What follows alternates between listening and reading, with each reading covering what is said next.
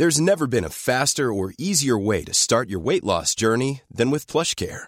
PlushCare accepts most insurance plans and gives you online access to board-certified physicians who can prescribe FDA-approved weight loss medications like Wigovi and Zepbound for those who qualify. Take charge of your health and speak with a board-certified physician about a weight loss plan that's right for you. Get started today at plushcare.com slash weight loss. That's plushcare.com slash weight loss. plushcare.com slash weight loss.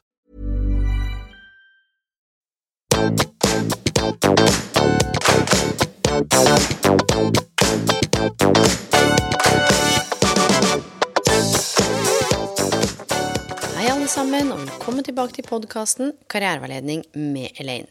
Jeg er så heldig å ha med meg Gisle Helsten. Han er ukens gjest. Det er altså Aftenpostens karriereekspert. I tillegg så er også Gisle leder ved karrieresenteret ved UiO. Og vi skal også ha et webinar sammen 5. mars mellom klokken 12 og 13. Du kan finne masse mer informasjon om dette her på um, karrieresenteret ved UiO sine nettsider. Ellers er det bare å slenge deg med. Følg med på Instagram, for der kommer vi til å legge det ut, og også på Facebook. Vi skal til og med ha en liten rodeo på Clubhouse neste onsdag fra halv tolv til kvart over tolv, hvor temaet nettopp er jobbsøk i koronaens tid. Som også er tema for denne episoden, hvor vi svarer på masse spørsmål som har kommet inn knytta til eh, avslag, hvor finner jeg jobbene, bør jeg fortsette å utdanne meg, eller skal jeg prøve å finne meg en jobb? Hvordan håndterer man tilbakemeldinger, og hvis man ikke hører noen ting? Og mye, mye, mye mer. Denne episoden her, hvis du er jobbsøker eller kjenner noen som er jobbsøkere, kan være virkelig verdt å lytte til. Så med det, mine venner, ha en god lytt. Hallo, alle sammen, og hallo, Gisle. Min Hei. gode kamerat. Er du på linja? Jeg er på, vet du. Du, det er jo fantastisk at du, Aftenpostens altså karriereekspert og leder ved eh, Karrieresenteret ved UiO, du er gjest igjen. Og jeg må ærlig innrømme at den sveisen jeg ser nå, den har jeg ikke sett på en stund. Nei, dette er koronasveis, så her har du ferska meg. Men eh, dette er podkast, så det er greit, altså. Ja, Så, så vi, Vi- sitter jo, vi ser jo hverandre digitalt. Eh, vi har jo ikke møttes fysisk, tror jeg, noen gang. Aldri. Eh, neste gang skal jeg ha på meg cap og hipster eh, bakover-cap, så da blir det enda bedre. Ja, for du er, jo, du er jo ganske kul, Gisle. Det må jeg si. Men nå er vi tilbake. Eh, Jeg har lagt ut på Facebook og på Instagram eh, rett og slett hva er det folk eh, lurer på? Eh, og temaet var jobbsøk i disse koronatider. Og det har kommet inn ganske så mange spørsmål. Vi er oppe i 243 spørsmål. Mye av det samme, og noe som skiller seg ut. Og før vi går i gang, så tenker jeg sånn Når du hører liksom jobbsøk i koronatider, hva er det som Hva er det som plinger inn i hodet ditt umiddelbart? Det som plinger inn hos meg umiddelbart, er at det er en litt sånn eim over hele Norge nå. At det er veldig vanskelig, og at eh, veldig mye er stengt, og at det er fokus på alt det som ikke går. Uh, og det skal vi jo selvfølgelig ha den aller største respekt for. At det er mye vanskeligere nå enn det kan være. Men så er jeg født en evig optimist, og den som gjerne ser uh, uh, litt klisjéaktig mulighetene istedenfor å bare grave meg ned i det som er tøft. Her gjelder det å tenke to tanker på en gang. Og mitt klare budskap det er, det er muligheter der ute. Det er masse ansettelser. Det er ledige stillinger. eh, og aller viktigst, det er ganske mye man kan styre selv i prosessen. Markedet får vi ikke gjort noe med, det er som det er. Men din egen eh, posisjon, det kan du gjøre noe med. Ja, og nå er vi inne på hvert fall litt av det første spørsmålet, fordi, eh, og dette er litt sånn mangefasettert, men det handler om to ting, eller flere ting, og, og det er snakk om bl.a. tilbakemeldinger. Nå er vi på selve jobbsøkeprosessen, og dette med å sende av gårde CV og søknad, hvis vi ser litt den der tradisjonelle måten, ikke sant? Du har skrevet CV, du har skrevet søknad, du har eh, sett et annet på Finn og Nav, eller kanskje blitt tipsa. Og så har det kommet inn, og dette er flere av dele spørsmålene under den paraplyen, hva gjør jeg når jeg ikke får tilbakemeldinger? Jeg hører ingenting. Og det går én uke og to uker og tre uker og fire uker. Og hun ene sa, eh, og som jeg opplever i møte med, som jeg opplever i møte med mennesker Hvis du har flere prosesser og aldri får landa noen ting, så blir det jo gående, da. Hva gjør man? Ja, hva gjør man? Eh, Først og fremst er det en tydelig oppfordring hvis det er eh, arbeidsgivere eller rekrutterere som hører på podden. Altså, dette er ikke lov, dette er utafor. Amen. Det er ufint, rett og slett. Ja, det er, og det er eh, slett. Jeg skammer meg når jeg hører sånne ting. Ja, men for det andre så- er det strategisk utrolig lite smart. Altså, dette handler jo om eh, kundepleie. Altså Enhver jobbsøker er en eh, kunde hos den bedriften. Og hvis man er så sløv at man ikke behandler potensielle kunder på en god måte, da har man misforstått det aller meste. Og dette eh, bør enhver arbeidsgiver klare å håndtere, for ellers er det ikke, bør de faktisk ikke gå ut i markedet. For det, her skal man være profesjonelle. Eh, og jeg liker jo veldig godt uh, når det er helt tydelig prosessbeskrivelse når man sender av gårde en søknad, at man får en respons med en gang hvor det står klinkende klart sånn er prosessen hos oss. Vi vil vurdere søknader i uke 9, eh, vi vil intervjue i uke 10. I uke 11 vil aktuelle kandidater eh, fått avklaring. Det er sjelden, ass, Gisle. Det er altfor sjelden, men, men det er jo så lett. Det er jo så utrolig enkelt, og det må folk bare bli flinkere til å gjøre.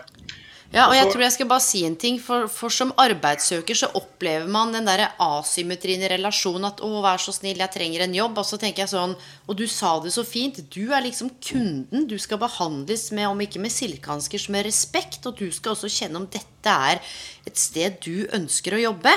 Eh, og det er klart når man ikke hører noen ting, for det det også som, som kommer inn under dette spørsmålet her, det er ma, Oppleves jeg så masete hvis jeg ringer? Som et ledd av det spørsmålet? Og hvis du gjør det, så vurder om du har lyst til å jobbe der. For at da, da har man misforstått veldig mye. Hvis Hvis det å lure på en så viktig del av eh, et menneskes liv, altså jobb og karriere, inntekt og muligheter, hvis det oppleves som mast, da er man egentlig ikke i en posisjon hvor man bør ansette for mye. Men hva er det som gjør at Ja, ja. ja, tilbake til dette arbeidsgiverperspektivet. Da. For meg så er det jo en kjensgjerning, kjent, kjensgjerning at det mer enn eh, Her bomma vi litt på tungeøvelsen, men det går bra. Det, la oss si at det er 50 søkere, da. Eh, Da er det 49 som ikke får jobb. Eh, Og vil du som arbeidsgiver at 49 mennesker skal gå ut i sitt nettverk til sine samtalepartnere og si at de ble behandla dårlig? Eller vil du at de skal gå og si vet du hva, jeg fikk ikke jobben, men fy søren for en profesjonell prosess jeg har vært igjennom. Altså, Dette er ikke akkurat rocket science å skjønne. Så tilbake til spørsmålet hva gjør du? Jo, ta kontakt. Ring og spør. Ikke spør nødvendigvis om hvordan det ligger an med akkurat ditt kandidatur. For det, det blir veldig sånn å, da må jeg begynne å lete i bunken. Og det kan jeg ikke si på nåværende tidspunkt. Men spør hva er prosessen videre nå? Yes. Når kan jeg forvente å høre noe fra deg? Og, og hvordan ser løpet ut? Eh, og det syns jeg at vi bare skal ha en forventning om. At alle seriøse arbeidsgivere har eh, ryddige rutiner på. Ja, og jeg skal si noe også nå. Alle jobbsøkere med respekt for seg sjøl også. Det er den der med at man ikke stå med lua i hånda. altså Du fortjener å vite dette her. Og så kan jeg også ha respekt for at mange opplever det ubehagelig å ta den telefonen.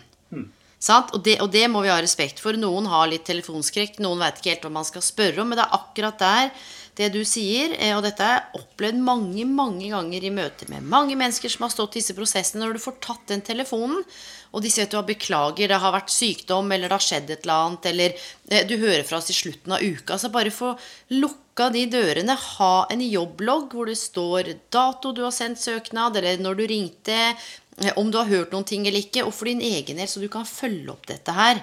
Og det handler om å få litt ro og litt oversikt i selve jobbsøkerprosessen også. Ja, eh, og, og jeg vet jo at det spørsmålets tematikk det er dessverre altfor eh, vanlig at man ikke får eh, respons.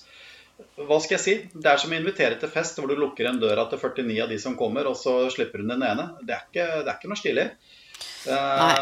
Så her må arbeidsgivere rett og slett bare få på plass prosesser. og det vil si at eh, her er det en start og her er det en slutt. Og hvordan ser den prosessen ut? Og den bør være transparent, og den bør formidles. Og så bør man også som jobbsøker, dessverre kan kjennes litt sånn brutalt, men også ta, ta et ansvar. Altså Hører du ikke noe, og du går og stresser, ta den telefonen, vær nysgjerrig på prosessen. Eh, og dette er liksom fortsatt under den paraplyen da med ikke sant, Nå hører jeg ingenting. Og det andre spørsmålet er Jeg, jeg får avslag. Eh, men det står bare sånn Takk, takk, vi gikk videre med noen andre. God jul og godt nyttår. Eh, nå ofte det jeg opplever når jeg jobber med karriereveiledning, er at det kan jo være litt greit å vite på vegne av det mennesket som er i prosess, hva var årsaken, eller hva er det som gjorde at jeg ikke ble valgt denne gangen? Mm. Og spørsmålet da er er det innafor å ta opp en telefon og spørre om det? Eh, absolutt. Eh, og her er det to deler. Altså, Eh, hvis man har søkt og ikke fått noe annet enn et avslag, så er nok eh, informasjonen man kan få fra arbeidsgiver, eh, den blir nok mer instrumentell. F.eks. du møtte ikke de formelle kravene, eller vi vurderte kandidater med flere års erfaring osv. Litt sånn faktabasert. Og det, mhm. det, kan også være greit å få, til, å få tilbakemelding på. Men har man vært i videre i prosessen på intervju, så, så vil jeg nesten anbefale eh, kandidater om å ta kontakt og, og, stille noen åpne spørsmål til den som satt i, i innstillingskomiteen eller rekrutteringsprosessen, nettopp for å få mer informasjon. Mm. Og det du, det du, kan be, be om, det, det, er gjennom åpne spørsmål. Jeg repeterer meg selv på det, men åpne spørsmål er alltid godt. Eh, ikke still spørsmål 'hvorfor valgte dere ikke meg'? Eh, for det, det, blir litt sånn, Da går man litt i angrep. Eh, mm. Men hvis man sier 'kan du gjøre rede for', eller 'har du noen tips du kan gi meg'? Der sa du det. Mm. Og jeg vet også at man kan til og med få bekreftelser som ikke hjelper noe særlig på lommeboka eller på karrieren, men det kan være eksempelvis at man sier 'vet du hva', du gjorde et fantastisk godt inntrykk. Jeg skulle gjerne ha valgt deg. Eh, det var ingenting som gjorde at jeg valgte deg bort, men jeg måtte velge én. Og denne gangen så var vi mm. på utkikk etter en, la oss si da, en kvinne. Fordi eh, det var, vi er så mange som er menn her. Mm. Eh, og vi ønsket å gjøre noe med kjønnsbalansen. Og derfor var det to kandidater. Hadde det ikke vært for det, så hadde vi valgt deg. Mm. Så får du i hvert fall en bekreftelse på at det, det er ikke deg, og du ble vurdert som en veldig dyktig person. Men så var det noe da som gjorde at eh, du ble valgt eh, ut og ikke inn. Ja, og jeg tenker at dette her òg, og dette jeg opplevd sjøl i livet, og, og når jeg har også jobbet med andre, og det har garantert du òg, når vi på en måte får satt ord på eller får stilt disse spørsmålene og får litt sånn closure, så slutter vi å tolke. Vi bruker så mye tid på å tenke hva alle andre tenker om oss, og hvorfor fikk jeg avslag, det betyr at jeg er ikke bra nok, og så er det kompetanse altså, Og så spinner man og lager så mye scenarioer, og så kan det være akkurat det du beskriver nå, som egentlig ikke har noen ting eh, som omhandler kompetansen din eller måten du var på. Men så går man og lager seg sånne fantasier om hva det egentlig var, og så påvirker det også jobbsøkerprosessen videre. Mm. Og så kan man begynne å snakke seg ned, ikke sant? og så var det det avslaget, og så, og så havner man i en eller annen sånn negativ spiral. Og det jeg har lyst Ja, det er ikke rart, det. Altså, det, det. det, skjønner jeg veldig godt. Det er jo ingenting som er kjipere enn å få sølv i jobbsøking. Altså, det, det er jo close but no cigar. Eh, men samtidig så skal man vite det at eh, dette er en prosess med mange, mange eh, kandidater. Og hvis du er nummer to av 100, så er det en relativt sterk prestasjon. Og da er det jo også min hypotese at kommer du nærme mange ganger, så vil det til slutt løsne. Så bare få den bekreftelsen på at det å komme til intervju, da er det folk som er interessert i deg. Mm. Ja, og så tenker jeg litt tilbake til det du sa i stad også, med dette med at bedriften skal behandle altså jobb, sine jobbsøkere som kunder. Eh, for dette. Og så tenker jeg sånn Det kan jo faktisk også være at det åpner seg en annen type stilling i det selskapet, ikke sant? hvor kompetansen kanskje er helt spot on. Eh, men fordi man har blitt skittig behandla, så tenker man sånn Nei, der er jeg ikke keen på å søke. Det var så slett prosess sist. Så jeg tror mange bedrifter kan gå glipp av gode jobbsøkere. Så tror jeg samtidig, når man ikke hører noe eller får litt sånn eh, flåsete avslag, eller sånn som vi har snakka om nå, at det direkte har, har innvirkning på jobbsøkerprosessen. Fordi veldig mange tar avslag personlig. Sant? Vi knytter opp mot noe emosjonelt. 'Jeg er ikke god nok. Jeg var ikke riktig.' Um, og det har jeg lyst til å slå et slag for. Altså prøve å kunne bare ikke distansere seg, men få litt sånn perspektiv på at det, det er liksom ikke noe gærent med deg. Nei.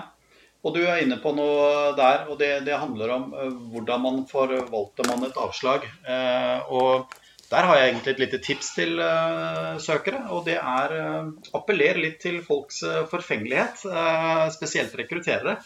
Man liker å høre at man er flink og at man er gode på det man gjør, også arbeidsgiver som gir avslag. Mm. Så hvis man har vært gjennom en prosess, man har kommet opp som uh, en som nådde nesten opp, men ikke helt opp, så send gjerne en mail hvor du sier 'tusen takk for at jeg fikk komme på intervju'. Jeg lærte mye om dere. Det var veldig, veldig ålreit opplevelse. Og prosessen har framstått som profesjonell og fin for meg. Takk for at jeg fikk sjansen. Mm det er veldig få arbeidsgivere som anser det som negativt. Eh, og du legger egentlig litt merke til det og sier wow, eh, her er vi sendt noen ut døra, og så sender de og sier takk for en god og ryddig prosess. Mm. Det er eh, tilbake til det du var inne på i sted. Det kommer nye sjanser. Man legger igjen et lite merke på sin egen kandidatur ved at du oppførte deg skikkelig og profesjonelt gjennom hele prosessen. Mm. Og det er rådet som jeg har til alle jobbsøkere. Selv om arbeidsgiver ikke oppfører seg profesjonelt og er uh, flink, vær det du. Det Mm. er din største og beste venn. Du er den profesjonelle og den som alltid spiller på de lure emosjonene, og ikke på en måte eh, skjeller ut arbeidsgiver for at de har gjort en feil. Mm. Og det tenker jeg er en forlengelse av dette her òg, så har det kommet inn flere spørsmål av denne varianten her. Og nå er vi litt inne Og det er samme tematikk. Eh, og dette her, her kom det inn I hvert fall nå, i disse koronatider, så kom, har det kommet inn over 30 eh, spørsmål av, av samme type. Det er ikke helt ordrett, men det står 'Jeg har søkt jobber', men jeg får høre at Skal vi se hva det står her. Men jeg får høre at jeg må søke jobb som er i tråd med kompetansen min, og, og som er i tråd med, eh, med kravspekken i annonsen. Hva, hva tenker du om det? At her har jeg brukt masse tid og energi på å søke en jobb, og så får jeg et avslag med beskjed om at eh, jeg må liksom skjerpe meg. Eller jeg kan tolke sånn, da. Så skjerp deg. Nå må du liksom begynne å søke jobber som passer til der du er. Hva, hva tenker du om det? Ja, jeg tror det er et uh, sentralt og viktig tema som kan være eh, jobbsøkers beste venn. Uh, nemlig å sette seg inn i det vi kaller for et må-krav og et bør-krav. Altså det er, det er to ting det går an å skille på. Eh, et må-krav det er absolutter som arbeidsgiver må sier at det må være til stede. F.eks. Uh, du må være utdanna jurist for å bli vurdert i denne stillingen. Så trenger ikke andre å søke på denne stillingen, for her er det en profesjon som ligger i bånn. Eller, eller, du må ha seks års dokumenterbar erfaring fra tilsvarende bransje. Eh, også et absolutt. Og Det mener jeg er en god styringsindikator for, uh, for søkere. at Hvis du ikke er i nærheten av å nå må-kravene, så sløser du egentlig litt med din egen tid også. Men først og fremst så sender du også et signal til arbeidsgiver da, om selvinnsikt. Altså, Hvis du ikke klarer å lese må-kravene når det står helt tydelig her hva vi skal ha, så blir det nok kanskje et irritasjonsmoment da, hos arbeidsgiver ved at du, du søker på noe som du overhodet ikke er kvalifisert til. Men går det an da, for å være litt djevelens advokat, hvis du tenker at ok, jeg ser at ikke jeg har dette Jeg skjønner hvis du skal bli lege. altså ikke sant, Vi vet at det er noen ting som er helt bankers. Du kommer jo på en måte ikke inn i psykiatrien eller skal jobbe som klinisk psykiatriker. altså, ja, Klarer ikke uttale engang, skjønner du? Klinisk psykiater. Eh, med at du kanskje har jobba med å, å, leke med Play-Doh, og det kan jeg skjønne. Men, men, går det an, er det rom for å tape en telefon og være nysgjerrig på dette må-kravet hvis man har noe som man tenker kan være interessant? At du har en master fra noe annet, eller du har Skjønner du litt hva jeg mener? Ja, Det var så ledende spørsmål. Jeg skjønner det spot on. Ja. Ja, bra. Det var ikke vanskelig å forstå i det hele tatt. Nei, for at det, dette her opplever jeg så ofte, og, og litt Ja. av det som Og i en forlengelse av det vi snakker om nå, så er det også kommet inn Hvorfor er det sånn at det er så få kvinner som tør å søke på stillinger de egentlig føler de ikke er kvalifisert for, men som de er kvalifisert for, så står det mens menn bare søker i hytt og pine og kanskje huker av tre av ti krav. Mens vi damer, og så skriver hun jeg snakker ikke bare for meg, jeg snakker for mange, jeg vet ikke hvor mange det er, mens vi vegrer oss for å søke.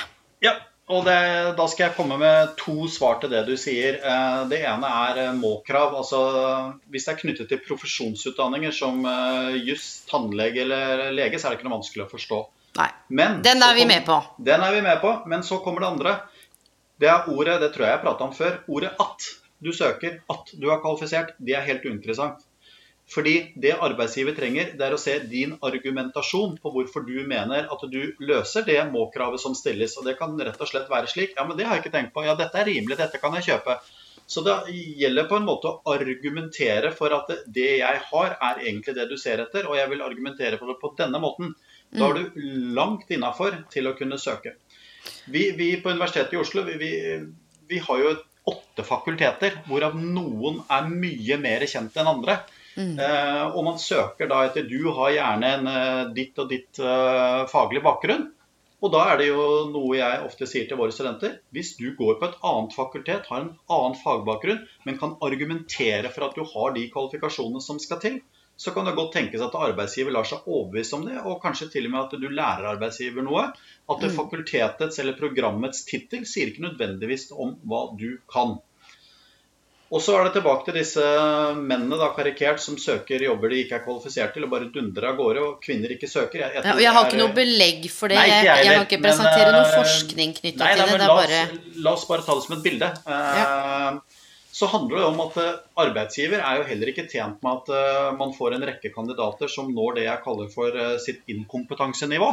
At de kommer for høyt opp. Dette klarer de faktisk ikke. Men det som man kanskje kan bli flinkere til, eh, det er å søke når man på disse bør-kravene, altså det du har i tillegg til det du absolutt må være til stede. La oss si at det er sju sånne, da. Sju bør-krav. Du kan, du har erfaring med, bla, bla, bla. Så er det utrolig viktig at man på samme måte som med må-kravene argumenterer for de bør-kravene man har. Og så nevner man ikke med et ord det man ikke har, for det kommer da implisitt fram i teksten at man prater om det man kan. Og så skal ikke søkere være sine egne dommere og bødler ved å si selv om jeg ikke har erfaring med, selv om jeg ikke har tatt utdanning, det får være arbeidsgivers uh, dilemma å finne ut av. Ja, og det der, nå er du inne på noe viktig, ikke sant? for vi snakka om det helt innledningsvis, som du sa. Hva er det man kan kontrollere, og hva er det man ikke kan kontrollere? Og det man ikke kan kontrollere i en jobbsøkerprosess, det er hva vedkommende som leser CV-en og søknaden, tenker om det de leser. ikke sant? Vi kan ikke kontrollere det der og da, men vi kan indirekte kontrollere hvordan vi argumenterer eller bruker ordene våre og de språklige forutsetningene i teksten til å framheve nettopp vårt kandidatur, som du er inne på nå. Gjennom å få fram bidrag, motivasjon. Og jeg veit ikke hvor mange søknader jeg har lest hvor akkurat det du beskriver nå Ja, jeg er jo ikke så god i det og det dataprogrammet, men Og det er sånn mm. Ok. Her er det noen som ikke kjenner deg, som skal få et førsteinntrykk. Her gjelder det å fremheve your attributes. Ja. Det er jo hele poenget. Og, men samtidig Jeg må jo si at jeg har jo respekt for de som får tilbakemeldinger. Eh, og at det kan oppleves som ubehagelig når tilbakemelding på avslag er eh, ja, takk for at du søkte litt sjøl sånn, men eh, nå må du prøve å søke jobber som liksom er i tråd med kvalifikasjonene dine, eller som er litt mer i tråd med der du er, uten at det kanskje at man har tatt en Det er jo litt sånn jeg må jo ærlig innrømme at jeg syns det er litt rart at den setningen at man tillater seg å legge med en sånn type setning i et avslag. Men øh, jeg har et livsmotto, og det håper jeg folk kan ta med seg. Det er at ingen er så rare som folk. Eh, og det betyr at arbeidsgiver kan også være rar, lite gjennomtenkt og formulere seg på en svært uheldig måte, som jeg tviler på er innenfor Eh, bedriftsprofilen deres at man skal svare sånn. Altså, det er rett og slett dårlig folkeskikk å gjøre ja, det. Er, ja, for det var det jeg tenkte og følte, og nå har jeg fått flere av disse her hvor folk har screenshotta tilbakemeldinger til mm. meg. Ja, ja. Eh, hvor det står litt sånn Ja, neste gang bør du heller søke på noen som passer deg litt bedre. Og så tenker jeg For det første, tenk deg hva det gjør med sånn selvtillit og selvfølelse og opplevelser. Liksom, hvem er et eller annet ukjent menneske som har lest et dokument til å skulle fortelle meg hva jeg skal gjøre videre? Da, jeg kjenner jo, og dette her Nå blir jo jeg gira, for dette er sånn kjepphest jeg har på vegne av jobbsøkere og arbeidsmarkedet. Den derre litt sånn forbanna asymmetrien igjen, da. Ja, og dette er jo ikke bra for bedrifter å framstå sånn. det er jo flaut, Gisle. Jeg hadde, jeg hadde skamma ja, meg. Ja, flaut er én ting. Eh, men en annen ting er jo at det er direkte hva skal vi si da, PR-messig en risiko å løpe. Mm. Altså Vi lever i dag i et informasjonssamfunn som er formidabelt. Og de vet jo ikke hvem de menneskene er som har avslag. Kanskje de har 6000 følgere på, på, Insta eller Face. altså De begynner å legge ut dette her. Hei, se hva slags avslag jeg fikk fra dette selskapet. Mm, mm. Hvor kult var det, og profesjonelt var det? Så får du dårlig publisitet. Så dette er dette er eh, rett og slett dårlig håndtering. Fordi man skal behandle de som ikke får jobb og får tilslag, med den største yes. respekt. For det er faktisk den kontrakten du inngår med deg selv når du lyser ut en stilling. Det er at nå vekker jeg liv i markedet, og de skal få uh, god behandling. Mm. Men litt tilbake til det vi pratet om. Uh, hva skal en søknad inneholde? Og der, der tror jeg man kan kontrollere mye selv. Og det er to ting som jeg veldig lyst til å formidle til alle som skal sende denne søknaden, da, eller komme i kommunikasjon. Sørg for at du går vekk fra påstander 'jeg er flink', altså OK, eh, det er en påstand, og gå over til argumentasjon. Ja, jeg, jeg, smiler fordi igjen, da, og du og jeg har jo lest eh, noen tusen CV-er, og det er typisk er det sånn Jeg er på jakt etter nye utfordringer og er en blid og utadvendt jente. Jeg liker å samarbeide, men kan også jobbe selvstendig alene. Og, og det er ikke noe Lever ikke av dere som skriver sånn, fordi det å skrive en søknad er litt sånn egen kunst, og det må trenes på. Men det å på en måte være tydelig på hvordan man beskriver seg sjøl, som du sier, og få satt et komma bak. At jeg er fleksibel gjennom at jeg, eller i hvert fall fremhever hva dette dreier seg om, så man igjen fjerner rom for tolkning, og får ja. fram sine poenger, da. For ja. hjernen vår, hvis vi får for lite informasjon, dette har vi snakka om, så fyller man jo i resten. Og så ser jeg én ting, og det må jeg bare slå et slag for nå. Det er så mye sånne floskler og selvfølgeligheter. Interesser. Jeg liker å gå på tur og være med familien. Ja, det gjør jo alle. Men er det noe ved deg som kan være spennende for jobben? Er det noe fagfelt du er opptatt av? Liker du å strikke? Hvordan kan den Altså, gå litt bak det derre vanlige. Jeg forstår jeg at du kanskje både er både agil og løsningsorientert? Elaine? ja, men, ja, men skjønner du? Det, det, er noe med å, å ikke bruke disse og, og, hvis du bruker noen ord om deg sjøl, så sørg for at du veit hva det betyr, da. Ja. Ikke sant? Ja, jeg er agil. Ja, ja, ikke sant. Agil, alt er agilt om dagen, så det, det syns jeg er fascinerende. Men uh, det som er da helt konkret tips fra meg til alle som lytter på nå, hva kan du gjøre for å få denne uh, argumentasjonen, da? Det er rett og slett å sette seg ned foran CV-en din, som du helt sikkert har skrevet, og så går du ned og så beskriver du for deg selv. Hva gjorde jeg faktisk i denne jobben? Hvilke konkrete ferdigheter fikk jeg faktisk i dette engasjementet? Hva var det jeg virkelig lærte her som er utenfor kanskje det mest selvsagte eh, som er knyttet til stillingen, som jeg fikk erfaringer med her? Og jeg bruker alltid meg sjøl eh, som eksempel når jeg skal prøve å forklare dette her. For eh, det vet du ikke, vet du, men jeg er jo en gammel bartender, har jeg fortalt deg det? At jeg har vært, eh, stått og miksa cocktails og kjørt på og vært ordentlig håndverker innenfor bartenderyrket. Nei, men jeg tviler ikke.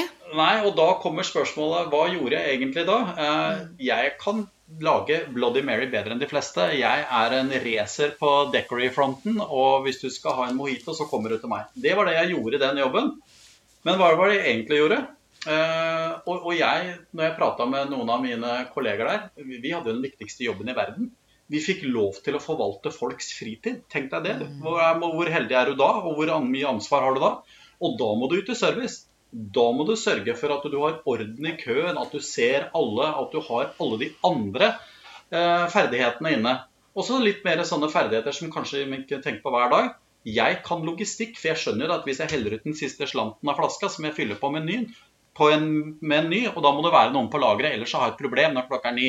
Mm. Lærte jeg økonomihåndtering, så lærte jeg ikke minst opplæring av andre, og dette med å formidle. Og så er det jo en gang slik da, I barbransjen så er det til eh, konflikter pga. at folk oppfører seg litt rart når de får litt mye innabords. Så hvordan håndterer du alt dette her? Og den erfaringen som jeg nå beskrev på slutten, den er relevant til de fleste jobber. Nemlig at du forstår hva du egentlig jobber med i et større perspektiv utover akkurat lage disse drinkene.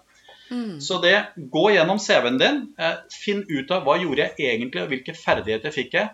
Og det fungerer veldig godt som en argumentasjon, og man kommer seg langt vekk fra påstander hvor man sier 'jeg er flink til å yte service'.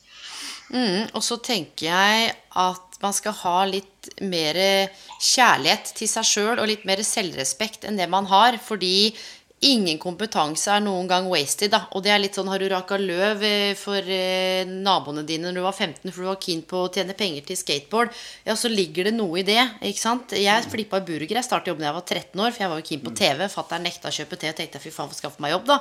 Så jeg sto og flippa burgere på Svartskog, på innoveren og utoveren. På den gamle kiosken der. 13 år gammel. Eh. Nå er jo det lagt ned, så det var vel ikke lov da. Solgte røyk, lagde mat, vaska doer, forvalta folks eh, matglede. Eh, og hadde jo fullt opp med gjester. Og det er sånne ting. Service, den nysgjerrigheten knytta til mennesker. og Uansett om du har vaska, om du har klatra i høyde, hva enn du har gjort, så er det noe som er verdt å liksom foredle eller forvalte, eller i hvert fall undersøke, da. Ja, Skjønner du? Ja, ja. Alt, alt, trenger ikke være med bestandig. Jeg må ikke ha med hvordan jeg vasker en stekespade. Men poenget er det at jeg var nøye på å vaske, gjorde også noe med hygienen. Altså, ikke sant? At alt her henger sammen med alt. Ja. Eh, og så handler det noen ting eh, som er helt selvsagt for deg, kan være helt ukjent for andre. Eh, og det kan være de små tingene som gjør at det tipper i din retning. Eh, vet ikke om jeg har nevnt det før på denne poden, men det er så bra historie, så jeg kan si den igjen. Jeg, det begynner å bli noen år siden. Om, Da prata jeg med en damestudent da, som hadde landa jobben. Eh, hurra. Og så kom det på i samtale med meg, da, for jeg hadde prata litt med henne eh, noen ganger før og var spent på hva var det som egentlig skjedde på intervjuet. Så sa hun jo det var én tipping point som virkelig kom til min favør, som lot seg imponere. Og dette var en faglig tung jobb. Eh, jeg tror det var innenfor økonomi. Men så var det til tider ganske hektisk miljø der. Eh, at man måtte gjøre mye, at man måtte serve kunder i et hektisk miljø. Og denne eh, studenten hadde jobba på Ikea på lørdager og kunne dokumentere hva er mer stressende her i verden enn familier som er på sin årlige utflukt til Ikea med skrikerunger, skal ha med seg altfor mye, man krangler om man liker den lampa eller den lampa. Jeg kan håndtere stress, jeg kan yte service under press. Og så kom hun med Ikea-eksempelet sitt og så blir det den som skiller deg litt ut. Mm. Så det at hun har jobbet på Ikea, er i og for seg ikke så interessant. Men hva hun lærte der, hvordan hun kunne ta det videre, det vi kaller for overføringsverdi av noe du har lært til neste stilling, det er viktig. Så den lille øvelsen man gjør med seg selv Hva gjorde jeg faktisk i min forrige jobb som jeg tror jeg kan ha nytte av i den neste?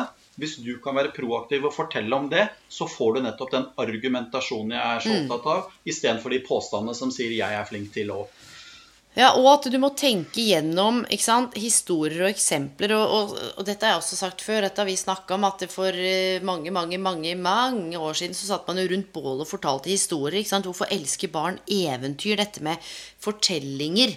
Altså? Innenfor storytelling, også kommunikasjon, så er det noe med hvordan du bygger opp det du skal formidle. Og det å komme med en historie eller et eksempel skaper noen bilder i hodet mitt. da for meg som rekrutterer eller som potensiell arbeidsgiver. Og når du beskriver eh, dette med bartender, ikke sant, Gisle, så, så jeg, da var jo jeg transportert inn i din historie. Jo, men det er noe som heter speilnevroner, og det betyr at når noen begynner å fortelle en historie, så automatisk så, så endres eh, så, så fyres speilnevronene, og så blir jeg liksom transportert med inn i din historie. Så jeg så for meg at du sto med den sveisen du har nå, faktisk.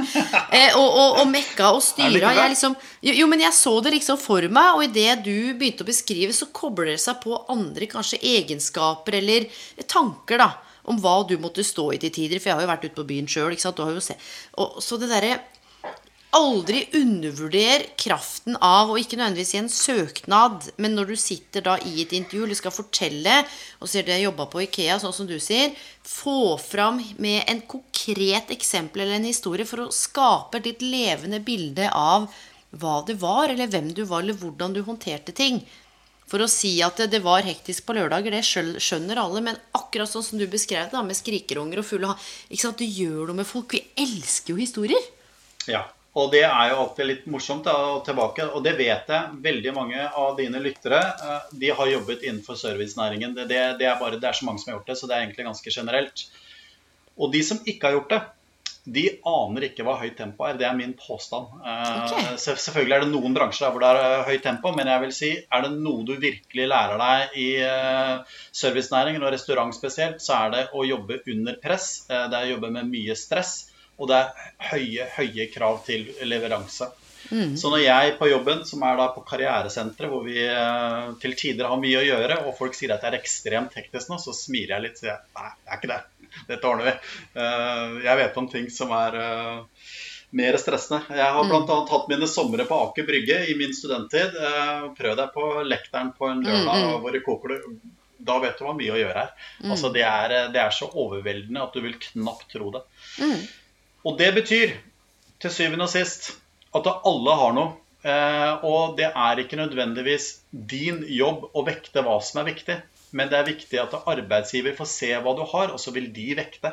For de vil bli bra. Du har erfaring med det. Det er akkurat den mentaliteten der som du har fått trening i. Det er den vi er på utkikk etter.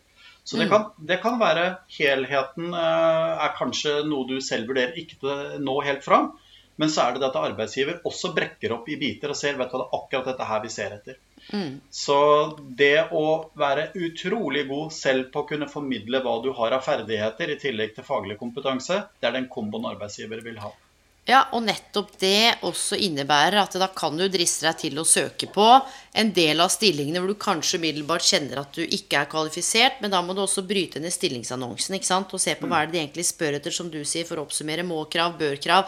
Hva er det du egentlig har med deg? Har du en annen master, eller har du noe eh, arbeidserfaring som har, altså, som har overføringsverdi? Så og mange av dette er sagt før, mange av de stillingene som ligger ute, er klin kokos. For det ser ut som de skal ha Supermann eller Superwoman. Så det er noe med å klare å bryte ned annonsen også. Sant? Og virkelig gå gjennom hva, hva står det i brødteksten. Hvor, hvor, er organisasjonen plassert? Hvilke kunder har de? Hva er egentlig Hva er jobben jeg skal utføre? Eh, blant de 15 egenskapene jeg skal ha. Jeg skal både være fremoverlent og utadvendt og positiv, eh, som egentlig sånn halvveis betyr det samme, som man egentlig kunne bare korta ned til én. Mm. Og alle de Du skal både gjøre A, B, C Hva er det de egentlig spør etter? Så det å også ta en telefon i forkant av å skrive en søknad, det er jeg også litt sånn forkjemper for. Men vi har også fått inn et spørsmål hvor det er en som stiller da eh, hvordan, Hva tenker dere om at jeg sender av gårde søknaden, og så tar en telefon i etterkant? For å liksom eh det, det, kan være smart, det. Uh, sørg for at du har gode spørsmål å stille. Altså Ting som er litt sånn utover stemmer at adressen din er i Kongens gate 4. Så ja, det stemmer. For det, det, er ting du kan finne fram til selv. Så still spørsmål eventuelt som kan gi deg en ny innsikt, eller som kan være litt sånn beskrive ansettelsesprosessen. Men ja, etter man har sendt inn søknaden? Ja, man kan det, men altså, det var det som var mitt poeng. Jeg vil nok uh, anbefale kanskje at man ringer før eh, enn mm. etter. For da, da, har du mye mer spillerom som du kan være med å forme. For det, har du sendt søknaden, så har du sendt den. Eh, og da er litt av løpet kjørt. Men jeg har bare lyst til å gå litt tilbake til dette med arbeidsgivere. at Det, det er litt sånn viktig å, å, fundere på for en søker. Hva er det egentlig arbeidsgiver er opptatt av? og det er kanskje litt rart det jeg nå skal si, men, men det er mitt inntrykk. Eh, er at arbeidsgiver utad og i sånne store eh, intervjuer hvor man forteller hvordan man jobber, så er man alltid ute etter de beste, for de beste vil jobbe hos meg. altså bla, bla, bla. Det er litt sånn PR og gimmick over det. Men det arbeidsgiver vil ha, det, det, er, det, er, det er, noen helt enkle ting. Det er vil vedkommende jobbe for meg, de målene og visjonene vi har, den kundemassen vi har og den bransjen vi jobber i? Vil, arbeids, vil søkeren det? Det, det, er et stort spørsmål som det er vanskelig å få målt. Eh, kan kandidaten jobbe hos meg? Det er mer på det formelle. altså Da går man på mm. utdanning, må-krav og bø-krav. Mm. Men så kommer kanskje det viktigste av alt. Har den som søker og som har forstått rollen, det de mm. faktisk skal gjøre hos meg? Og Det betyr at jeg tør å komme med en påstand. Eh, og det er at arbeidsgiver ikke nødvendigvis er ute etter å finne den beste her i verden. For er, da må man lete blant eh, våre åtte milliarder innbyggere. Det, det er en vanskelig øvelse. Det de vil unngå, er å feilansette. Altså Det er det som er arbeidsgivers store frykt. Det er feilansettelser. Eh, og Hvis vi er litt sånn kyniske i språket, så kan man si at all makt ligger hos eh, arbeidsgiver til du har skrevet kontrakten. Og etter det så har arbeidsgiver et reelt problem å bli kvitt de som ikke passer inn i jobben. Da må de kjøre sitt løp. Mm. Så det snur ganske fort. Derfor er det å unngå å komme i en feilansettelsesprosess kanskje det viktigste mm. for, en, for, en, arbeidsgiver. Mm. For det er mange som er gode nok. Eh, og det, la oss være ærlige, man koker ned til det. Vi kan ikke alltid bare være opptatt av det aller beste som markedet har å tilby. I hvert fall ikke til de fleste stillinger. Nei, Og så er det litt sånn som hva er det beste? Og det må jeg si fordi jeg snakka Nå kan det godt være at han hører på, men jeg skal jo si det for det. Ikke, ikke navnet, men Eh, vi hadde en sånn samtale om hvordan lage den perfekte CV. Og, og, da igjen kjenner jeg sånn Hva er den perfekte CV? Hva er den beste medarbeider? Poenget er at det, vi mennesker vi er komplekse og sammensatte, og det er også en organisasjon. Hvis du ser det både på sant, systemnivå, hva, hva, som påvirker politikken i organisasjonen, kulturen, hva som påvirker oss mennesker. Så den beste det ene øyeblikket kan jo være den uh, verste det andre øyeblikket. ikke sant? Altså, det er litt dette vi er på jakt etter den beste. Ja, hva faen betyr det? Så det er jo ja. noe med å, å i å være altså, i en jobbsøkerpress og få, i hvert fall få litt klarhet i hva er det som er riktig og viktig for meg nå. Hva er det jeg er opptatt av? Hva er det jeg trenger? Hva er det som motiverer meg? Og du skal også få muligheten til å vurdere er dette et sted jeg har lyst til å jobbe. For i en forlengelse av det, Gisle, så er det noe som er interessant. Og jeg snakket bl.a. med flere rekrutterere som sa nå begynner det å bli utfordrende. For nå er det en, mange som har mista jobben. Og nå må vi klare å skille mellom hvem som virkelig er motivert og ønsker jobben, og hvem som er desperate bare for å få seg en jobb. Ja. Eh, og det syns jeg var litt interessant, fordi kanskje den som er sjukt desperat på å få seg jobb, også kommer til å gjøre en forbanna god jobb, da. Altså, eh, forstår du hva jeg mener? For at det, eh, før koronaen så var det litt sånn ja, man søker jobb, mens nå er det veldig mange som trenger jobb. Mm. Og hvordan skal, som rekrutterer, som arbeidsgiver, hvordan skal man skille hvem som egentlig vil ha jobben, eh, med hvem som egentlig ja. bare må ha en jobb? Men jeg ville vært forsiktig med den desperasjonsapproachen. For det, jeg er jo ganske opptatt av uh, 'it takes two to tango', som jeg pleier å si. Mm. Og Det betyr at du skal også danse i takten med det arbeidsgiver uh, har behov for. Mm. Så hvis din desperasjon er at jeg, nå må jeg betale noen lønninger her, nei, noen regninger her, jeg har økonomiske utfordringer, jeg må få meg en jobb, Mm. Så er det et perspektiv arbeidsgiver forstår, eh, men det er ikke derfor de ansetter deg. For at de skal hjelpe deg til å betale regningene dine. De ansetter deg fordi du skal gjøre en god jobb for dem. Så jeg vil jo si at uh, kanskje tender til hvordan du uh, igjen uh, kan yte best mulig for den retningen bedriften du søker deg til, skal ta. Og så er jo dette med lønn, da det er jo en suveren konsekvens av det å jobbe. At man, man får da de pengene hvis man kommer inn. Så mm. det å lyse for mye desperasjon, det, jeg, jeg, tror jeg ville vært forsiktig med det. Jeg må ha en jobb. Så sier vel arbeidsgiver ja, det skjønner jeg veldig godt, men det er ikke det vi er på utkikk etter heller.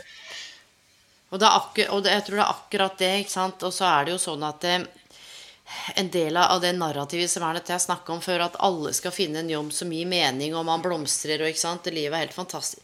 Sånn er det jo ikke. Noen Nei. trenger en jobb fra åtte til fire fordi de må få mm. penger på bordet for de har barn. Eh, noen eh, har syke foreldre å ta seg av. Noen kan ikke jobbe fullt. Altså, det er ulike grunner til at man velger å ta seg en jobb.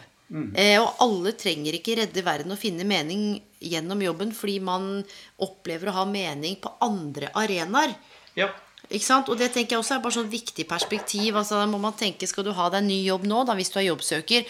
Ja, hva er driverne dine? Er det det at du har lyst på å utføre arbeidsoppgavene? Er det det at du savner det sosiale, som er litt spesielt nå, for det er jo alt digitalt? Altså, hva er de der grunnleggende driverne dine? Må du bare ha en jobb? Ja, da kanskje søke på en eller annen jobb da hvor de ikke er så jævla opptatt av motivasjonen din, men heller at du skal prestere, og så får du lønn. Ja, men det er jo en uh, fair deal, det. Ja. Uh, og det, det, tror jeg gjelder til langt flere stillinger enn det som man prater om i disse HR-foraene som vi er en del av, hvor alt skal være at man må være så supermotivert at uh, dette er drømmen min. Det er bare tøys. det er bare tøys, i hvert fall til mange stillinger. Ja. Men allikevel så er det et forhold mellom det å ha behov selv og det ja. å svare på behovene arbeidsgiver har. Altså, dette må være en god match. Mm. Og jeg tror ganske mange arbeidsgivere er fornøyd. Hun kommer på jobb hver dag klokka åtte, gjør en suveren jobb og går inn klokka fire. Dette er en god deal for begge parter. Mm. Eh, men man må også putte da andres behov i fokus når man skal søke seg en jobb. Du må forstå her skal jeg gjøre en jobb for deg. Det er ikke noe tvil om det. Men jeg kommer ikke til å sitte og tenke på denne jobben hele tiden, for da er jeg på hytta mi. Mm. Skille work-life balance der, og alt kan ikke være av det supermotiverte til enhver tid.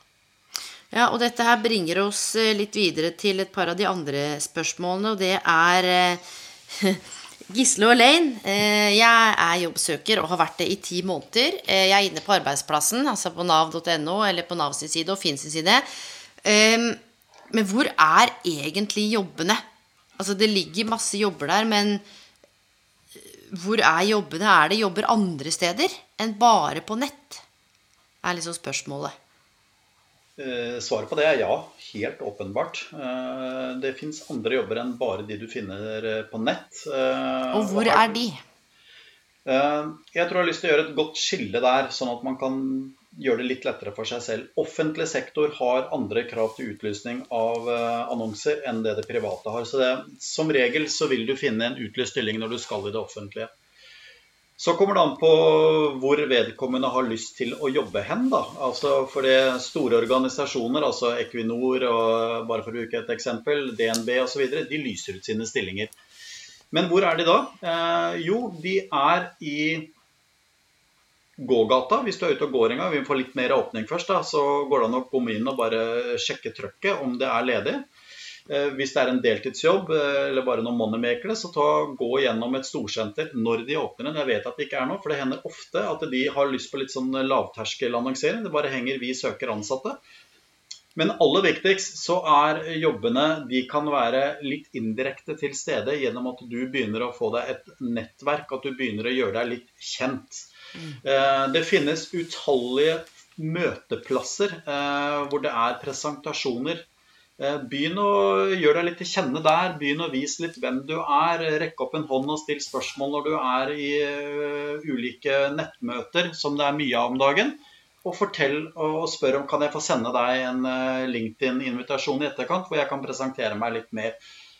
Første ledd trenger ikke alltid være en forespørsel om jobb. Første ledd kan være å bli kjent med folk, vise fram den du er, vise fram mm. potensialet ditt. Så det er mm. mange veier til den jobben. Eh, og det kan godt tenkes at arbeidsgiver ikke har ledig stilling nå, men de vet at eh, det vil dukke opp noe om ikke så lenge. Mm. Så det å bare ha en liten sånn reserveflate hvor du har vist din interesse og synliggjør at du er klar, det kan være én måte å få det til. Ja, og jeg tenker nettopp dette med nettverk. Jeg har et ferskt eksempel. Jeg har jobba med en kar som er over 60 år, som har vært i arbeidslivet i over 40 år, i virkelig sånn head honcho-stilling, globalt og svært, og han har hatt så mye fete titler. Og så ble han permittert.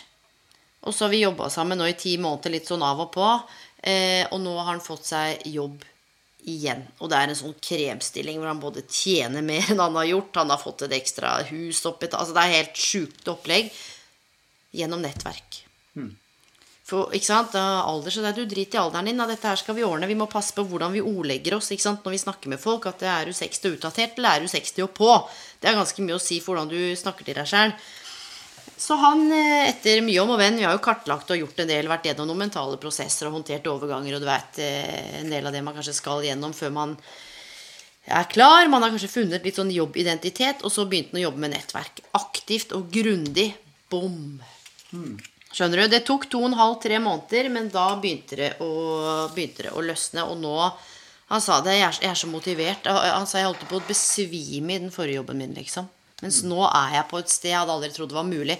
Det handler ikke om meg. Det handler om at han han har tatt de skritta. Han har brukt nettverket. For skulle han bare ha sett på stillingen som lå ute på Finn og Nav, så er det kanskje 3% han kunne søkt på av det han ville ha. Mm. Men det er jo, vil jeg anta, ganske gjengs uh, blant mange av de som har stilt inn spørsmål, at de er på jobbsøkeren og de ønsker alle. seg eh, Alle er det. Og der, der har jeg Altså, jeg, jeg, har så respekt for den prosessen de står i, og jeg skjønner, tror jeg, hvor vanskelig det er, selv om jeg ikke har erfart det. Men jeg prater med mye folk, så jeg ser det. Så jeg skal være forsiktig med å si at jeg skjønner hvordan du har det, for det vet jeg ikke helt. Men, men jeg tror jeg har en forståelse av det. Men det jeg vet, uh, det, er, det, er, at uh, håp er det viktig å ha. Den dagen du gir opp selv, så, så er mye kjørt. Altså, hvis du begynner å finne argumenter på hvorfor mm. du ikke ble ansatt selv, så er du med på å snakke deg selv ned. Mm. Eh, så derfor så vil jeg Nettverk er så mye mer enn å møte den mennesket som kan gi deg den jobben. Nettverk kan også være å sitte i samme båt med noen andre som er i samme prosess som deg selv som du blir litt kjent med, som kan være en god djevelsadvokat når du skal søke jobb, slik at dere sammen kan begynne å teamarbeide litt for å skrive disse søknadene, finne fram hva som er dine argumenter, og virkelig finne fram til de gode sidene ved deg selv. Så det å sitte sammen med andre når du gjør denne prosessen, det, det er så utrolig viktig. Mm. Og jeg ble så glad på søndag, eh, det kan jeg si. Da, da hadde jeg en liten eh, vinterferiedag og var og kjørte ski. Så hadde jeg en pause, og så fikk jeg en e-post. Og det var fra en, en, student som jeg har kjent lenge, som har vært uten jobb i over et år. Og hun og jeg vi har prata sammen uh, jevnt og trutt. Og så kom det meldingen 'Jeg fikk den jobben jeg har drømt om'. Og Det er selvfølgelig fint at hun fikk den, men det som gjorde meg så glad, det var at ikke hun ga opp. Hun har sendt over 100 søknader. Og jeg var jo fortvila hver gang jeg prata med henne. For jeg har egentlig ikke mer å si til deg. Du gjør alt riktig. Dette er bare urettferdig. Det, det, finnes ingen logikk i at du ikke får jobb, men du må mm. ikke gi opp. Og det ble resultatet for henne, og hun landa til slutt. Så det, det, er så utrolig viktig at man ikke gir opp selv, for det, da, da er mye tapt, altså. Hvis man mm. begynner da f.eks. å mase om denne alderen sin, 60 eh, pluss eller ikke 60 pluss, så jeg kan garantere deg at når du våkner opp i morgen, så er du 60 år pluss en dag til. Det går aldri andre veien.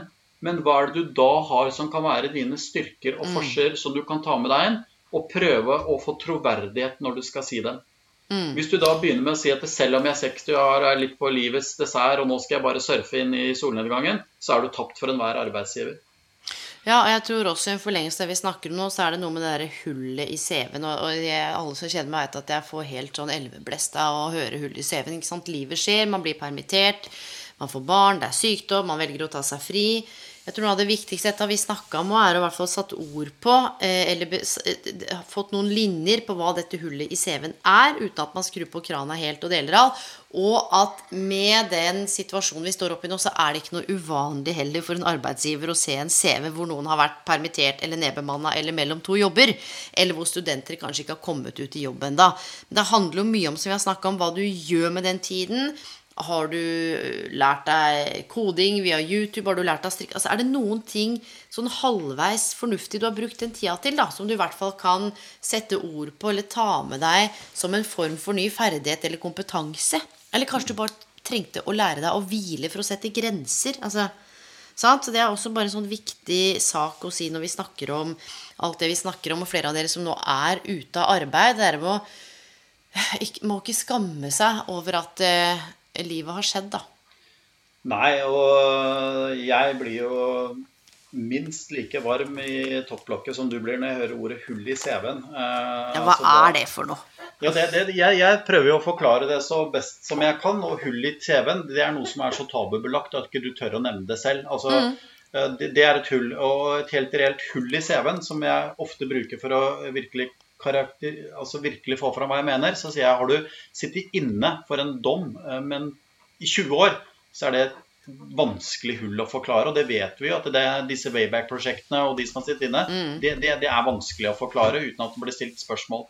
Men resten, eh, stort sett, eh, er noe man kan ta, som du sier, tyren ved hornet og forklare så godt som mulig hva egentlig skjedde i den perioden. Et annet element som kan være krevende å komme inn på, det er sykdomsbilder. Altså det er noe som er privat, eh, det er noe som er lovbeskyttet, at arbeidsgiver ikke skal få vite mye om. Men det er noe der. Så hvordan kan du snakke om det også? Det kan være lurt å, å ta med noen øh, eksterne da, øh, som vil deg vel, og finne ut hva sier vi om denne perioden her. Hva, hva, hva skal vi si? For igjen, det koker ned til usikkerhet. Og hvis det er en treårsperiode i CV-en din som det bare er ingenting på, så skaffer det usikkerhet hos arbeidsgiver, hvor de gjerne tenker de rareste tanker om Ja, ja. hva gjorde vedkommende da, istedenfor at det kommer tydelig fram pga. pandemi ble jeg permittert og har vært det siden mars. Den arbeidsgiveren som stusser over det, eh, de kan ringe meg eh, og si at gå og legge seg, eh, skulle jeg si, Ja, ja. det kan omtrent på det samme. For hvis du ikke forstår det, at dette har vært en krevende situasjon, ja, da, da, da, er, det, da er det langt fram til mål, sier jeg. Å, herregud. Du, vet du hva? Vi, er, eh, vi runder nå 50 minutter, men vi har noen spørsmål til. Og, og dette her er litt sånn eh, interessant. Vi hopper litt eh, videre, og det handler om eh, hva er deres forhold til tester?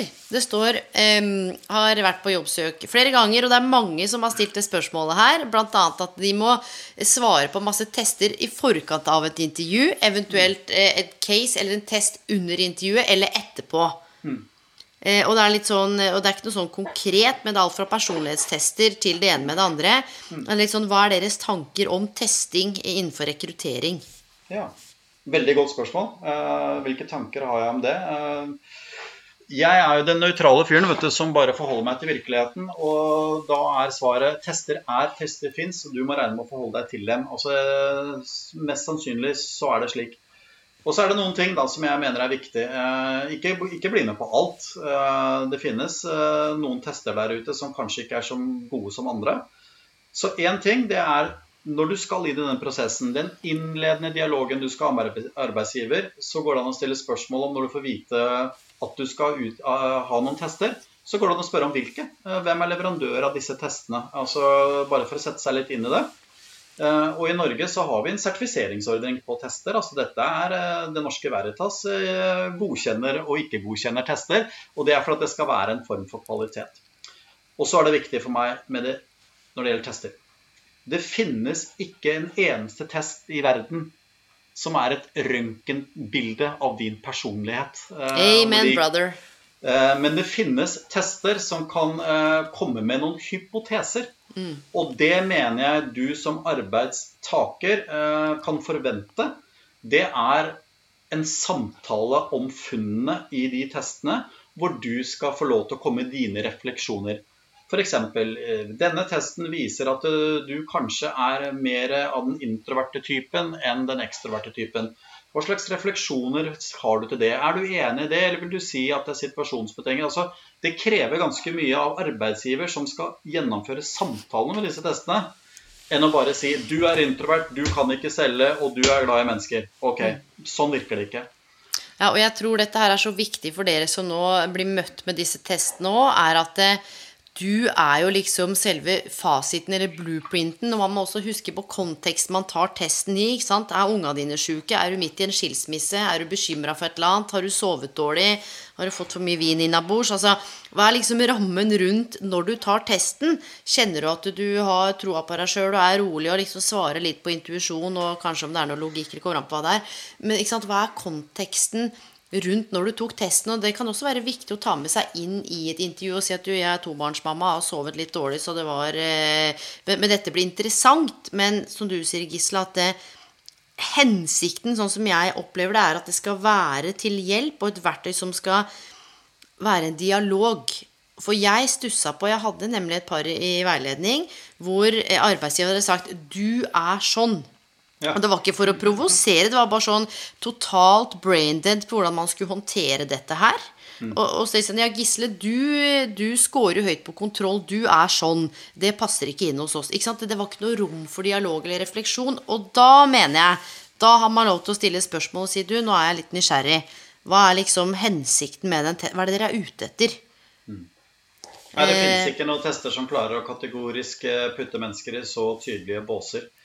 Eh, men, men, til tips, da, som du sier, når man skal gjennomføre testene, så må man være i en jobbsituasjon selv. Altså isolere seg litt på et kontor. Eh, ta det som eh, det det er, og ikke bli forstyrret.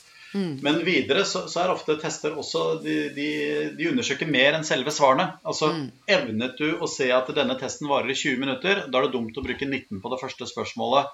Uh, og når det er uh, f.eks. du skal holde en presentasjon for oss, og du får fem minutter til disposisjon, så er det dumt å bruke 30 sekunder, og det er dumt å bruke en halvtime. Det er noen sånne rammer som ser mm. Tar du den beskjeden som er kommet, holder du det på det språket som vi ble enige om at du skal holde det på? Er du innenfor tematikken, og bruker du den kanalen som vi var enige i, og virkemidlene som du har fått? da? F.eks. Mm. hvis det står at du kan bruke PowerPoint, så, så gjør det. Mm. Uh, og, og, spill med. Mm. Men testing er uh, en, sånn som jeg ser det, en, et nyttig verktøy for rekrutterer når det brukes riktig. Ja. Eh, svært uheldig for arbeidstaker når det brukes eh, platt. Ja, og, og, og, du kan jo også møte både norskoppgaver og matteoppgaver. ikke sant? Altså logikk og, og, og resonnering. Og jeg hadde jo en gang en på et intervju, og så skjønte jeg at her er det et eller annet som ikke stemmer. Så, så jeg så på vedkommende, og så sa jeg så Du, har du juksa på den mattetesten? Mm. Og da var jo svaret ja. Mannen hadde løst testen for henne. Ja. Ikke sant? Men det sier Nei, men det sier også noe for meg om dette. var jo ikke bare jeg, men det var flere som var inne og skulle, det var en så stor prosess. Men det sier noe om også det ubehaget ved å skulle sitte med en sånn test og føle at man ikke er nok, da. Ja. Ikke sant? Så det, er flere Dette er også mangefasettert, men det jeg vil fram til, er ja, du kan møte på tester. Eh, vær bevisst konteksten du tar testen i. Det skal helst være en form for dialog. Og du kan også lære masse interessant om deg sjøl. Noen trekk eller noen ting som er mer fremtredende i visse situasjoner, som du kan bruke videre om du på en måte har litt sånn læringsorientert tankesett, da og kan kjenne deg igjen. Så, så, det er jo ikke bare galskap. Men testing bare for testenes skyld, fordi det er hipt og kult, og man ikke evner å tilbakelese disse testene på en ordentlig måte, da, da blir jeg gæren. Ja, men, men, gå også inn uh, før du tar testen og se hvem er det som er leverandør av denne testen. Yes. Og så går det an å se på hjemmesidene til den leverandøren, så ligger det ofte noen treningsverktøy man kan bruke først, bare for å få en idé om hva dette er. Mm. Og så er det sånn som uh, jeg er ekstremt dårlig til. Jeg er kanskje verdens dårligste. Jeg tror det har noe med kjønnet mitt å gjøre også. Les bruksanvisningen. Ikke bare hopp rett inn i det. Uh, det kan være en fordel å skjønne hva de er ute etter her. Men så er det en annen ting, da. Det er jo at det er et stresselement i disse testene. Og jeg tror, jeg tror, nesten jeg aldri har møtt noen jeg som tror de har gjort det bra på en test. Altså, jeg ble ikke ferdig, det var kjempevanskelig, jeg svarte feil. Ja vel, så får vi se da om du scorer deg høyt eller dårlig. Fordi mm. Svaret er ikke nødvendigvis på en skala fra 1 til 100 hvor du uh, kommer ut sånn og slik. Du matches jævlig, veldig gjerne med en uh, målgruppe i, i markedet da, som har tatt testen sammen med deg. Så du, du får ja. et score i forhold til hva andre har svart. Ikke nødvendigvis på hva som er et akademisk nivå. Nei, og Jeg tok en test en gang, og jeg tøysa litt, da, for jeg var litt sånn nysgjerrig på Jeg var i jobb, men så ble, ble jeg headhunta til en annen eh, type jobb som daglig leder. Så tenkte jeg jeg skulle bare sjekke litt ut av dette her. Eh, og jeg visste at jeg skulle jo ikke gå. Jeg ville egentlig ikke bruke opp tiden til de som rekrutterte, men jeg syns han var litt fjern, da. Eh, og jeg tok en sånn test og var ganske gæren. Så når han skulle legge fram testen, så, så var det nesten sånn at jeg fremsto som schizofren. Mm. Og det var faktisk nesten det ordet som ble brukt. Og spriket var så stort at testen var ikke valid. Mm. Og det, det, var bare for å teste litt, og han var ikke noe særlig rå på å ha. Og det sleit med å håndtere, og, det, og så ble jo det en fin prat og en jobb jeg skulle ha. Men det er bare noe med at du, du kan ikke manipulere disse testene, men det er noe med sånn i bunn og grunn sette seg ned og bare Noen av de skal du svare litt sånn intuitivt og ærlig på. Og hvis du roter til for mye, så vil det også kunne gi utslag da, ja, i den ja, dialogen. Inkonsistent er vel begrepet de bruker. Ja, nå hørte jeg at du sa inkontinens, men det var jo ikke det du sa. Nei, det var ikke det jeg sa. Nei, det sa inn... Du har så Ja, du er så, du er så artig i dag. Jeg er så artig, jeg. Men du, nå, nå, skal vi Dette her er midt i din gate, kjære Gisle, leder ved Karrieresenteret ved UiO. Um, kommet inn flere spørsmål av denne karakteren her. Jeg har studert i lang tid, sliter med å få meg jobb, så nå lurer jeg på følgende Skal jeg fortsette å utdanne meg altså innenfor det området jeg holder på med, eller skal jeg starte på en helt ny utdanning, for det ser ikke ut som jeg får meg jobb? Ja, dette er et veldig vanlig spørsmål. Uh, og jeg vil jo oppfordre de fleste som jeg møter, i hvert fall til å avslutte slik at du får en grad. Uh, altså det, det, er, det er generelt et godt tips, fordi det er ikke mye her i verden ingen kan ta fra deg, men en grad fra en universitet eller høyskole eller hva det måtte være, det er noe du har til evig tid. Den gir deg faglig tyngde. Så forsøk å avslutte en grad. Mm. Og så er jeg litt sånn opptatt av motivasjon, da. Altså, har du lyst til å studere videre? Har du lyst til å begynne på nytt? Har du økonomiske muligheter til det? Er det det som driver deg litt framover? At dette er lystbetont? Mm. For jeg kan jo komme med en eh, litt sånn dårlig nyhet til de fleste. Da, det er at eh, jeg hører av og til begrepet 'da skal jeg ta en mastergrad'. Eh, og det er ikke noe man tar. En mastergrad er en ganske stor jobb som krever en ganske stor dedikasjon. Som krever at man er til stede og er motivert for å ta det. Mm. Så svaret på det om man skal ta en helt ny utdannelse, det vil alltid være individuelt. Og vi skal være ekstremt forsiktige med å gi et generelt råd. Så jeg er nesten nødt til å prate med hver en av dem som lurer på det, for å finne ut mm. hva, hva, er, hva er planen din. Kan du det, vil du det? Men det er ikke alltid slik at mer formell kompetanse er det som skal til. Eh, veldig ofte så kan én bachelorgrad eller én mastergrad være tilstrekkelig, og det er heldigvis tilstrekkelig. Så det er ikke noe sånn must med at uh, tar du én bachelorgrad til, så får du automatisk jobb. Det er ikke mm, slik mm. nødvendigvis det fungerer. Ja, og så er det noe med, da, eh, når man er student, og, og som flere har sagt, og jeg får meg ikke jobb, så da bare må jeg fortsette å studere. For det første så må du ingenting, og for det andre, som du sier, da, hva er motivasjonen? Eh, og det tror jeg er liksom nøkkelen. Samtidig så Og dette er litt med det du sa i sted med håp. Jeg jeg, fra mitt subjektive perspektiv, at det er ikke umulig fra et sånn studentperspektiv å få seg en deltidsjobb. Ja, kjøpesenteret har vært stengt en periode. Eh, nå ser det ut som ting begynner å åpne igjen. Samfunnet begynner så vidt å normalisere seg lite grann. Vaksiner er på plass, man åpner opp litt mer her og der. Um, og jeg, Det er ikke det at folk har vondt i vilje, det er ikke det det handler om. Jeg tror det bare oppleves som så slitsomt og uoversiktlig. Og litt den der frykten for å velge feil. Skal jeg fortsette å studere? Er det riktig? Eller skal jeg bygge videre på noe annet? Skal jeg slutte med studiene nå og søke jobb? Altså, det er så mye kaos oppi hodene til folk, Gisle. Ja, men eh, vet du hva? Nevnte, du nevnte en, en, liten ting som jeg bet merke når jeg prata med deg i går. Eh, da nevnte du mannen din eh, som jobba i reiselivsbransjen, stemmer det? Ikke sant. Og det var tilbake. Hvor er jobbene? Og nå er vi i en prosess hvor jobbene ikke er der. Eh, og reiselivsnæringen har jo vært stengt ned. Men det vil overraske meg meget hvis reiselivsnæringen ikke har lagt ulike scenarioer for gjenåpning og ulike planer for høsten, for sommeren og for vinteren. Hva hvis, tenker de nok mye på nå. Og her er jobbene mulig. Alle er innforstått med at hvis pandemien henger som en uh, mare over oss i lang tid framover, så vil ikke den åpningen komme.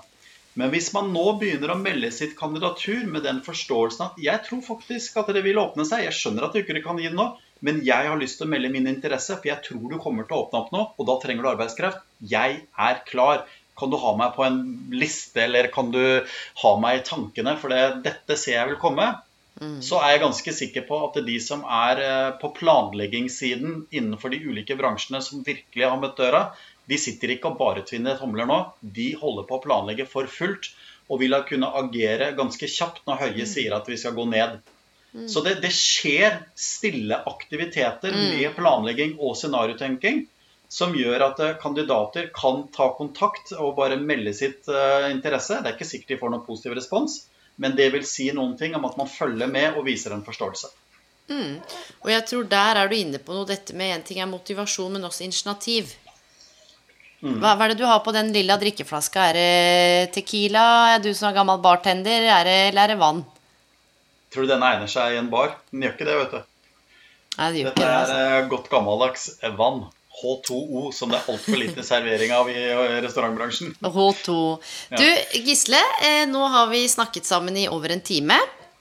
Eh, vi har tatt unna hovedbolken av spørsmålene som jeg på en måte har kategorisert. Det var sjukt mange spørsmål, men eh, mye dreier seg om det samme. Selv om ikke det er ordrett, så kan man på en måte cluster it inn i, i, i noe av det vi har tatt for oss. Det blir nok kanskje en del to også, for det er noen spørsmål vi ikke rakk. Men jeg tenker sånn Helt avslutningsvis, vi har vært innom ganske mye. Temaet var jobbsøk i koronaens tid. Nå har vi liksom fått uh, vært litt på G og, og, delt litt tanker og refleksjoner. Hva er det du brenner inne med sånn avslutningsvis og tenker at uh, Mind blown. Nå kommer det noe bra her, Gisle. Hva er det du vil si? du tåler det, du. Jeg gjør det. Hva er det jeg vil si? Til alle jobbsøkerne nå som ja. Jeg, jeg, tror jeg vil si det så enkelt som at vi har alle eh, mer eller mindre vært med på en gigantisk nedtur som har vart et år. Eh, den har vært blodig, den har vært brutal, og den har ikke vært noe kul i det hele tatt. Meld deg på oppturen. Eh, bli med på den. nå nå mista jeg deg, men du, der var du igjen, ja. Altså, bli, med, bli, med, på oppturen. Eh, og det krever at du er nødt til å ville bli med på den oppturen selv. Ikke gi opp uansett hvor vanskelig det er. Finn folk du kan prate med. Si til deg selv 'jeg skal være med på oppturen'. Det er en utrolig viktig start. Ja, og det fins gratis karriereveiledning nå på karriereveiledning.no. Det er ingenting med meg og Gisle å gjøre. Det er Kompetanse Norge, og det er offentlig altså organ, så det er, vi, det er ingenting med oss å gjøre. Der sitter det 19 ekstremt dyktige karriereveiledere. Du kan chatte, eller du kan ringe. Eh, karrieresenteret ved UiO, der er det jo mulighet til å bestille time. Bare kom. Ja, eller, ja, Har dere fysiske møter også, eller? Ingen fysiske møter, kun digitale. Og det er kun ja. for studenter, da. Men også er du student, så, og primært ved Universitetet i Oslo. Men uh, ta kontakt, skal vi se hva vi kan finne på. Og så er jo vi å finne inne på Clubhouse, eh, Gisle. Når er det vi skal kjøre en eh, Clubhouse, da? Ja, Det syns jeg vi må se å få til så fort som mulig. og for det, Der er det jo en arena hvor vi også kan komme i dialog med noen arbeidsgivere som kan være med på dette. her, fordi de vet ikke om alle mulighetene de gjelder, og de vil nok være nysgjerrige på hvordan de skal eh, gjøre sine poser lekre. Uh, vil jeg anta. Mm, mm. Så Clubhouse, anytime. Du får jo Eh, lede an som vanlig, så er jeg ditt usedvanlige påheng. Så skal vi få til det. Du, det er ikke mye poeng her i gården, ass. Det er I så fall så er det en skikkelig motor på den poenget, det skal jeg si. Men du, Gisle, tusen takk for at du tok deg tid. Du har jo vært gjest et par ganger. Du er den mest frekventerte gjesten. Så det er klart at det, det er jo diplom på vei i posten nå.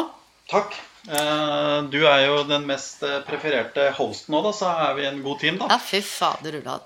Mine venner, takk for at dere lytta. Er det noe dere lurer på, så send en mail til elaine at elainebloom.no. Dere kan jo også få tak i Gisle f.eks. på LinkedIn hvis man lurer på noe. Dere kan legge til meg.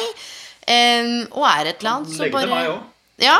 Ta kontakt. Uh, Vi kan ikke trylle noen av oss, men det vi kan love alle lytterne, det er jeg veldig stolt av. Vi tjener jo ikke en krone på dette her. Vi gjør Nei, det fordi det. vi har lyst. eh, Vi gjør det fordi at hvis vårt lille bidrag kan hjelpe noen, så er det akkurat derfor vi har de jobbene vi har, og det er derfor vi skal gjøre det. Så kom igjen. Og der ligger den gløden og litt av det engasjementet, for det å være jobbsøker er satan så slitsomt noen ganger. Ja. Og det å, å rett og slett eh, ja, få litt tro og håp på veien. Så tusen takk, Gislo, til alle som hørte på, hvor enn dere er i verden. Jeg vet noen av dere er i New York, jeg har sett at noen er i Tyrkia, det er USA, det er altså Ukraina, vi snakker Canada, Australia, det er lyttere overalt. Og selvfølgelig her i Norge. Så takk for at dere lytter, og på gjenhør. Ha det godt da, Gisle. Ha det godt.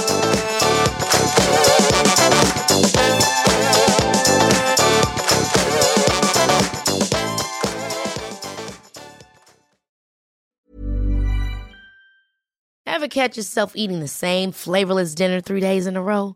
Dreaming of something better? Well, HelloFresh is your guilt free dream come true, baby. It's me, Kiki Palmer. Let's wake up those taste buds with hot, juicy pecan crusted chicken or garlic butter shrimp scampi. Mm. Hello Fresh. Stop dreaming of all the delicious possibilities and dig in at HelloFresh.com. Let's get this dinner party started. My business used to be weighed down by the complexities of in person payments. Then, Tap to Pay on iPhone and Stripe came along and changed everything. With Tap to Pay on iPhone and Stripe, I streamlined my payment process effortlessly. Now I can accept in person, contactless payments right from my iPhone. No extra hardware required. What's truly remarkable is how I can cater to all of my customers' payment preferences. Whether they're using cards, Apple Pay, or other digital wallets, Tap to Pay on iPhone and Stripe ensure a smooth checkout experience every time. And it's not just me. Stripe helps businesses of all sizes, from local markets to global retailers, scale quickly and stay agile. To learn how Tap to Pay on iPhone and Stripe can help grow your revenue and reach, visit stripe.com slash tap iPhone.